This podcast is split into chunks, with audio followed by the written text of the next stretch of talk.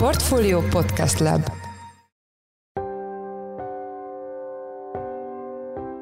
Üdvözlünk mindenkit! Ez a Checklist, a Portfolio munkanapokon megjelenő podcastje május 25-én szerdán. A mai adásban először az MNB új javaslat csomagjának nyugdíjrendszert érintő módosításairól lesz szó. A várható további élettartam az csak egyetlen egy mérőszám, az egészségben várható további élettartam az egy ugyanolyan fontos mérőszám, és itt már óriási gondok vannak, mert mi a végén kullogunk az Európai Unióban az egészségben várható további élettartamok tekintetében. Arról, hogy hogyan változna a nyugdíjkorhatár és a nyugdíj összegének megállapítása, Parkas András nyugdíjszakértőt kérdezzük. Ezután a két év kényszerpihenő után május 27-én visszatérő Budapesti Gourmet Fesztiválról lesz szó. A rendezvényről és a high-end gasztronómia előtti kihívásokról a fesztivál főszervezőjével beszélünk majd. Én Pitner Gábor vagyok, a Portfolio Podcast Lab szerkesztője, ez pedig a checklist május 25-én szerdán.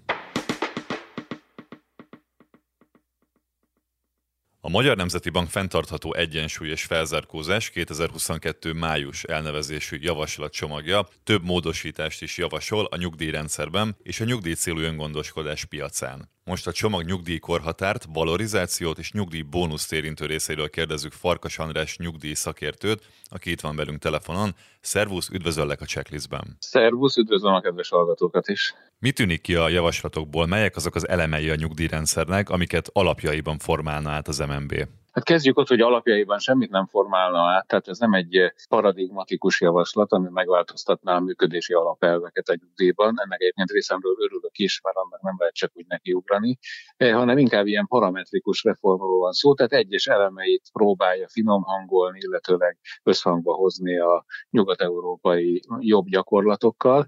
Ennek kapcsán talán az egyik legfontosabb megállapítása ennek a reformjavaslatnak, hogy egy demográfiai fordulatra van szükség, és a Magyar Nemzeti Bank szerint ez a demográfiai fordulat abban ölthetne testet, hogy nem a mostani átlagosan 90 ezer gyermek szülessen meg évente Magyarországon, hanem legalább 110 ezer, és a Nemzeti Bank furcsa megjegyzése szerint ebből nem engedhetünk. Tehát ez az egyik érdekes eleme a javaslatcsomagnak, hogy a demográfiai fordulatot azt a nyugdíjrendszer változtatásain keresztül is szeretné támogatni. A másik fontos elem ebben a javaslatcsomagban, hogy nagyon sok olyan akut problémát próbál megoldani, amelyek valós problémák, ténylegesen nagy gondot okoznak a nyugdíjrendszerben, és amelyekről nyilván majd most mindjárt beszélgetünk részletesebben is de amit hangsúlyozni kell, hogy nem alapvető reformról van szó, hanem finom hangolásokról. Beszélgessünk akkor ennek részleteiről is. Hogyan kellene a javaslatcsomag szerint a nyugdíjkorhatárt meghatározni? Elképzelhető az is, hogy emelkedhet a korhatár? A nyugdíjkorhatár meghatározásánál a Nemzeti Bank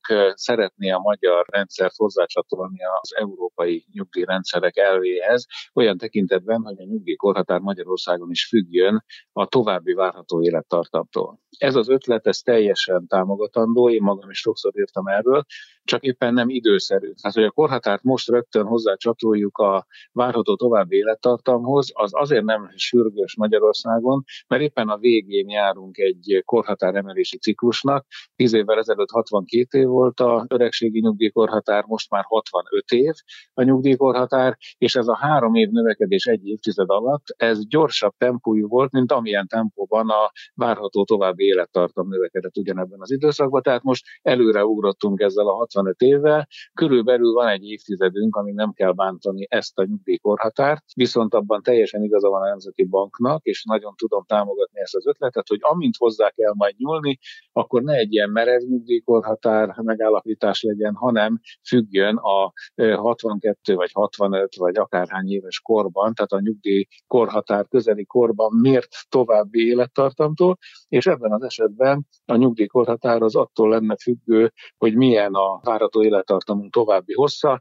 Például az Európai Unióban 11-12 ország az, aki már alkalmazza ezt a metódust, és ott azt mondják, hogy vagy egy év várható élettartam növekedés, egy év nyugdíjkorhatár növekedésre legyen értékű, vagy pedig, mint mondjuk Hollandiában, ott azt mondják, hogy 12 hónap várható élettartam növekedés, az 8 hónappal emeli meg a nyugdíjkorhatárt. Tehát vagy egy év egy év alapon, vagy egy év 8 hónap alapon működnek ma a rendszerek. Ez teljesen elképzelhető majd Magyarországon is, de a következő gondjai vannak ezzel, és ezt részletesen kifejtettem a portfóliónak írt elemzésemben. Az első dolog az az, hogy a várható további élettartam az csak egyetlen egy mérőszám, az egészségben várható további élettartam az egy ugyanolyan fontos mérőszám, és itt már óriási gondok vannak, mert mi a végén kullogunk az Európai Unióban az egészségben várható további élettartamok tekintetében. A férfiak 65 éves korban, ha addig életben maradtak, akkor még körülbelül 14 és fél évre számíthatnak,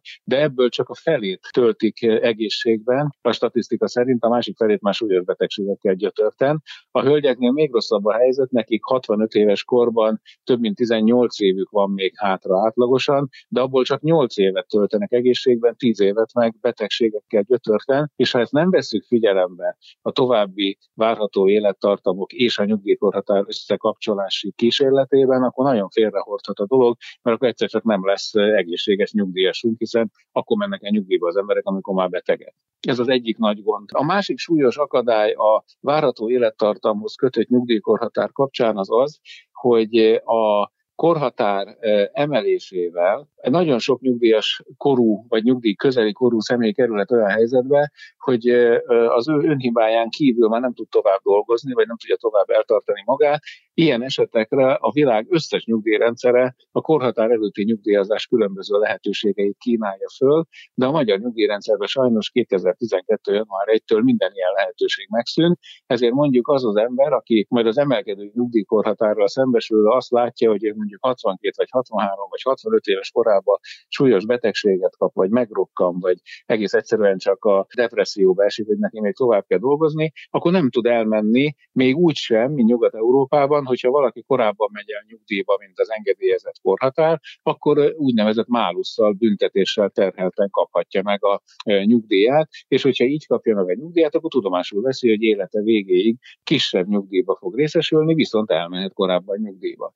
Tehát a magyar nyugdíjkorhatár emelés előtt ez a két súlyos akadály van, tehát az egészségben várható élettartam nagyon pocsé, és a, nincs olyan lehetőség, hogy a nyugdíjkorhatár előtt akár az a büntetés, mármint a pénzügyi büntetés bevállalva, a málusz bevállalva elmessen valaki nyugdíjba. Mindaddig, amíg ezek nem teremtődnek meg, addig a nyugdíjkorhatár várható élettartalmaz kötésének különösebb értelme nincs. Ráadásul meg azért sem nagyon időszerű most, mert a pandémia miatt éppen visszacsavarodott a időskorban várható további élettartam, körülbelül 8 hónappal rosszabb most a várható élettartam, tehát annyival rövidebb, mint mondjuk 2019-ben volt. Ez csak ideiglenes probléma, mert majd kidolgozza magát természetesen, de jelen pillanatban ez is jelzi, hogy nem időszerű a nyugdíjkorhatár emeléséről beszélni. Térjünk is hát a nyugdíjkorhatáról egy másik témára. Valorizáció. Mit jelent ez a fogalom a hazai nyugdíjrendszerben? Hogy néz ki most? Mit mond erről a javaslat?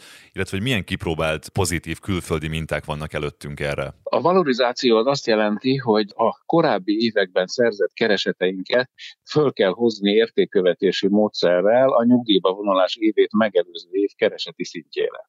Ez egy nagyon jónak tűnő el, hogy 1988-tól nézik a kereseteket, az lesz majd, abból számítják majd ki a nyugdíj alapjául szolgáló életpálya átlagkeresetünket, és nyilván egy 1988-ban szerzett 100 ezer forintos éves keresetet nem 100 ezer forintunk kell figyelembe venni, hanem valahol 3-4 millió forint körül értékben minden évben a valorizációs szorzók azok meghatározzák minden érintett évre, hogy mivel kell felszorozni az adott évre kiszámított nettó jövedelmet. Ez önmagában is egy nagyon bonyolult eljárás, de teljesen logikusnak tűnik.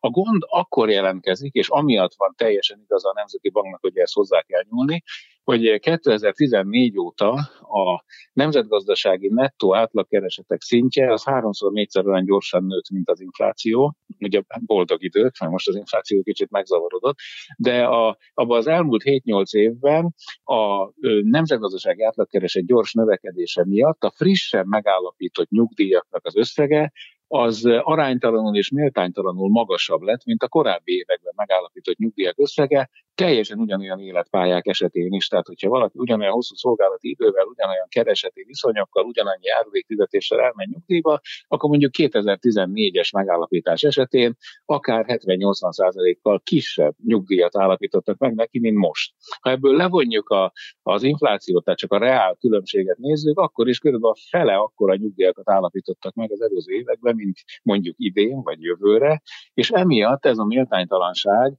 ez azt eredményezte, hogy Magyarországon a nyugdíj nem csak a törvényben előírt két tényezőtől, tehát a szolgálati idő hosszától és a, a, ettől a bizonyos számított átlagkereset nagyságától függ, hanem egy harmadik tényezőtől is, nevezetesen, hogy melyik évben igényli valaki a nyugdíját, és az borzasztóan méltánytalan. Tehát ez a javaslat abszolút mértékben támogatható. Vannak erre nagyon pozitív nemzetközi példát. Én kettőt említettem a cikkemben, az egyik a, az osztrák minta, ahol minden évben egységes 1,78%-kal megnövelik a nyugdíjjogosultságot az adott évben, és akkor így folyamatosan épül a nyugdíjjogosultságok rendszere az osztrák nyugdíjasnak, és a végén egy halálosan egyszerű módszerrel megállapítható, hogy mennyi nyugdíjra jogosult, és senki nem prüszköl emiatt, mert nincs benne méltánytalanság. A másik megoldás, amit a németek alkalmaznak, ott pedig a teljes német GDP növekedés figyelembe veszik minden évben, mind a frissen megállapított nyugdíjaknál, mind pedig a, a már megállapított nyugdíjak esetében, tehát nem szakad szét a nyugdíjak értéke, egy bizonyos aktuális nyugdíjérték tényezővel korrigálják és számítják ezeket a nyugdíjakat, illetve az emeléseket. Nálunk a javaslat tehát teljesen támogatható, hogy változtassuk meg a mostani valorizációs eljárást, finomítsunk rajta, de az a baj, hogy ha csak ez a javaslat van, és nem tesszük mellé a nyugdíj emelés módszerének a megváltoztatását, akkor nem haladunk előbbre, mert most a nyugdíjemelés, ami kizárólag az inflációtól függ, ez garantálja, hogy a normális infláció években a nyugdíjasoknak a vásárlóértéke az folyamatosan szakad le az aktív keresőknek a kereseteitől. Tehát egyfajta elszegényedési csúszdán mennek a nyugdíjasok, amint megállapították a nyugdíjokat, és ez az elszegényedési csúsz, de ez különböző meredekségű attól függően éppen melyik évben vagyunk. Most sokat enyhít a meredekségen egy szomorú tényező az, hogy megszaladt az infláció, tehát most a inflációs emelés sem 3-4 százalék, mint az elmúlt években, hanem idén is eddig már 8,9 százalék, de feltétlenül lesz ez még több is.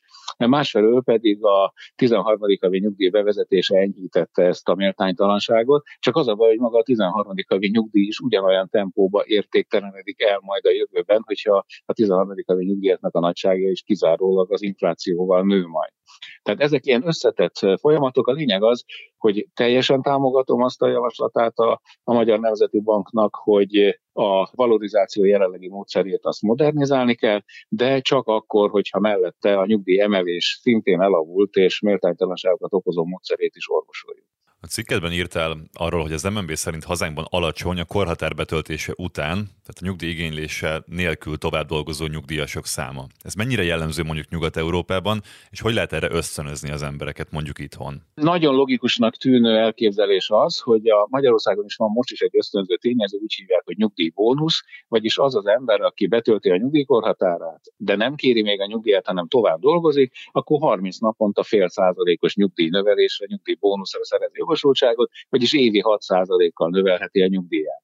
Ez egy nagyon szép elképzelés, halál pontosan megegyezik a német rendszerrel is. Magasabb sehol nincs a európai nyugdíjrendszerekben, tehát évi 6%-nál több növelés nem biztosítanak a nyugdíj nélkül a korhatár után tovább dolgozó embereknek. Tehát logikusnak tűnik, de a hatása nulla. Azért lenne nulla a hatása, mert egyrészt ma sokkal jobban megéri Magyarországon a nyugdíj igénylése mellett tovább dolgozni, mert a nyugdíj melletti e, munkával szerzett keresetet nem terheli járulék, meg a foglalkoztatót nem terheli szociális hozzájárulási adó, tehát rendkívül kedvező a nyugdíj melletti munkavégzés, sokkal jobban megéri igényelni a nyugdíjat.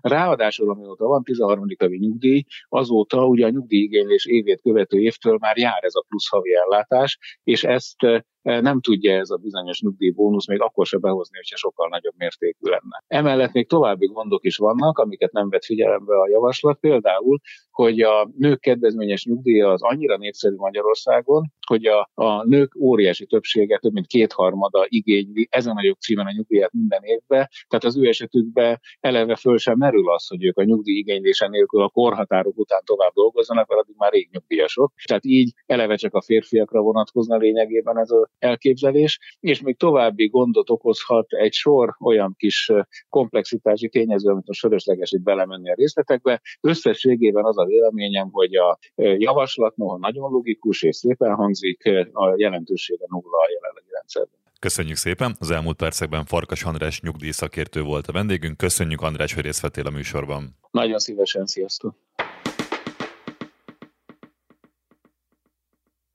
Két év kényszerpihenő után megrendezésre kerül a tizedik Gourmet Fesztivál. A rendezvény május 27-től 29-ig várja a gasztronómiára kiéhezett látogatókat a megújult millenárison. A fesztivál idei témája az örökség, amelyet minden kiállító igyekszik legalább egy-egy fogásban megjeleníteni. A témáról, részletes programtervről, meghívott sztárséfekről, illetve a hazai gasztronómia jelenlegi helyzetéről Nemes Rihárdot, a Gourmet Fesztivál főszervezőjét kérdezzük, aki itt is van velünk telefonon. Szervusz Rihárd, üdvözöllek a checklistben. Szia, üdvözlöm a hallgatókat is. Miért pont örökség az idei jubileumi esemény témája, és ez hogyan fog megjelenni a fesztiválon? Ki járt már a gurmén, az um, talán emlékszik és tudhatja, hogy általában klasszikus ételeket választottunk korábban, például gulyás vagy csirkepaprikás volt étel-ital párosítás, mint például a kaviárpesgő vagy a serclés a sör, de jött a tizedik gurmének a lehetősége, hogy 2020-ban, ami aztán ugye ismert okokból elmaradt, és akkor arra gondoltunk, hogy a jubileum alkalmából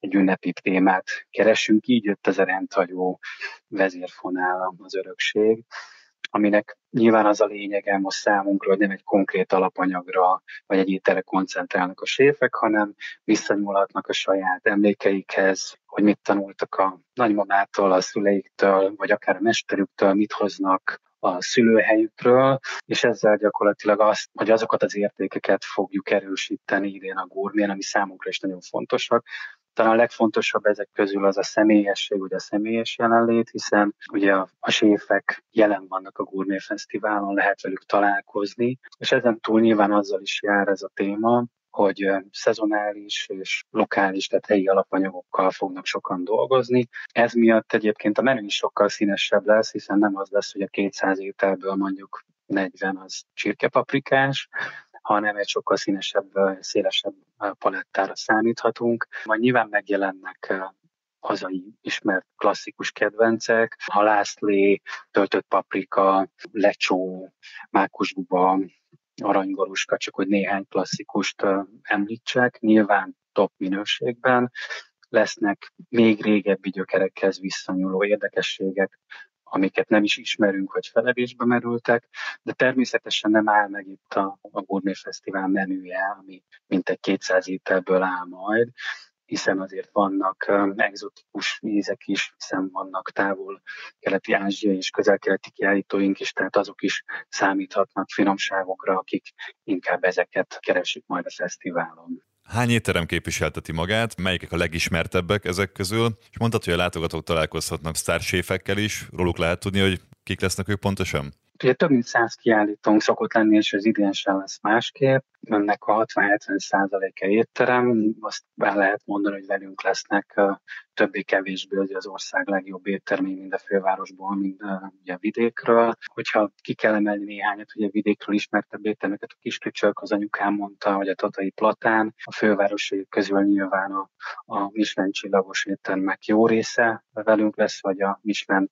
tányéros éttermek nagy része is itt lesz egyébként. Tehát nyugodtan fogalmazhatunk úgy, hogy a top éttermek nagy részével lehet találkozni. Hogyha ki kell emelnünk néhány séfet, akikkel akár személyesen is találkozhatunk, vagy magán a, a fesztiválon, ami gyakorlatilag egy óriási sétálókostoló, vagy akár a programjainkban, akkor néhányat említve találkozhatunk például a Gurmi Akadémia színpadán majd Szél Tamással, aki egyik gyerekkori kedvencét, egy szinte elfeledett étel tejfölös gombócot készít majd a közönségnek, amit meg is lehet majd természetesen kóstolni. Sárközi Ákos a borkonyha séfje, ha jól tudom, akkor házi túros tésztával és nagymamája házi nudliával készül, de például Rácz is találkozhatunk, aki zsíros kenyeret is ad majd a Gourmet Fesztiválon, természetesen egy kis csavarral.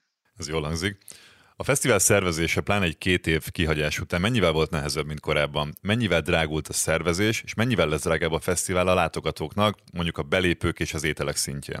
Ami számunkra egy kellemes meglepetés volt, hiszen azt gondoltuk, hogy ez lesz a legnagyobb nehézség, az maga a kiállítók meggyőzése, tehát az éttermek meggyőzése arról, hogy hogy jöjjenek és állítsanak ki a gurmén, hiszen ez elképesztő erőfeszítésekkel jár, hogy tartson nyitva az étterem, és egy második helyszínen. Külön erőforrásokat allokálni arra, hogy három napon keresztül nyitva tartsanak, és ott is meleg ételt kínáljanak ugye a fesztivál látogatóinak, de számunkra ez egy, ez egy kellemes meglepetés volt, hogy a meghívott, általunk meghívott éttermek 90%-a el tudta fogadni a meghívásunkat, ehhez mondjuk az is kellett, hogy elengedjünk egy napot a fesztiválból, így rendhagyóan nem holnap, tehát a csütörtöki napon, hanem pénteken fog megnyitni a fesztivál. Ez az egyik, ami, ami szerintem egy jó hír, ami nehézséget okoz, és amit most nyilván hatványozottan látunk, az az, hogy a két évvel ezelőttihez képest azért tényleg elszálltak a zárak a rendezvény szervezésben is, akár ugye az alvállalkozói munkákat,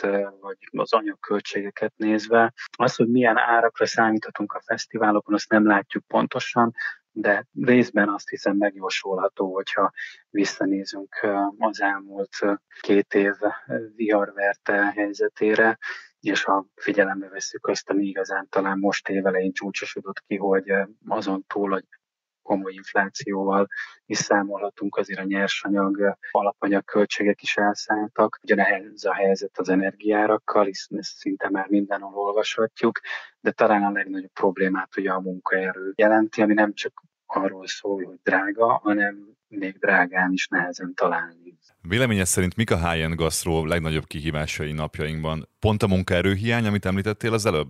Én azt gondolom, hogy igen, hogyha tényleg egyet kell kiemelni a sok közül, akkor mindenképpen ezt említeném, hiszen nap mint nap láthatunk olyan híreket a, a sajtóban is, hogy nagyon-nagyon magas fizetésért sem találnak séfeket sokan, és én azt látom most, hogy beszélgetünk rengeteget a kiállító éttermeinkkel, hogy ez az a szűk keresztmetszet, ami meghatározza a mindennapjaikat, vagy akár egy kitelepülést is egy fesztiválra. Ki kell emelnünk azt is, hogy nyilván elszálltak a logisztikai szállítási költségek, és nagyon-nagyon megdrágultak az alapanyagok is, amelyet nyilván nem könnyű, vagy mondjuk úgy, hogy elég nagy kihívás tovább állítani a fogyasztókra, és ezt nem is minden esetben tudja megtenni az étterem, hiszen azt kockáztatja, hogy elveszíti a törzsközönségét, vagy általában a vendégeit. Mekkora az érdeklődés a fesztivál körül, lehet-e még jegyet kapni?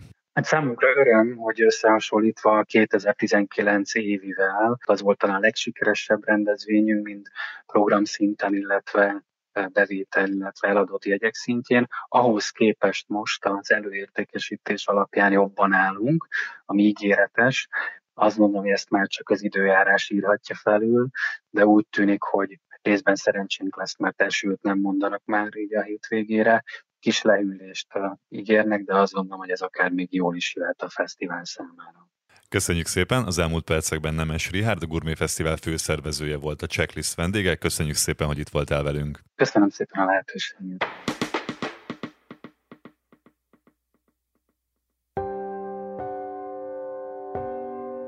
Ez volt a Checklist, a Portfólió napi podcastje május 25-én szerdán. Ha tetszett, iratkozz fel a podcast csatornánkra Spotify-on, az Apple Podcast-en, Google Podcast-en, vagy a többi nagyobb podcast felületem. Az adás elkészítésében részt vett Gomkötő Emma, Forrás Dávid és Bánhidi Bálint, a szerkesztő pedig én, Pitner Gábor voltam.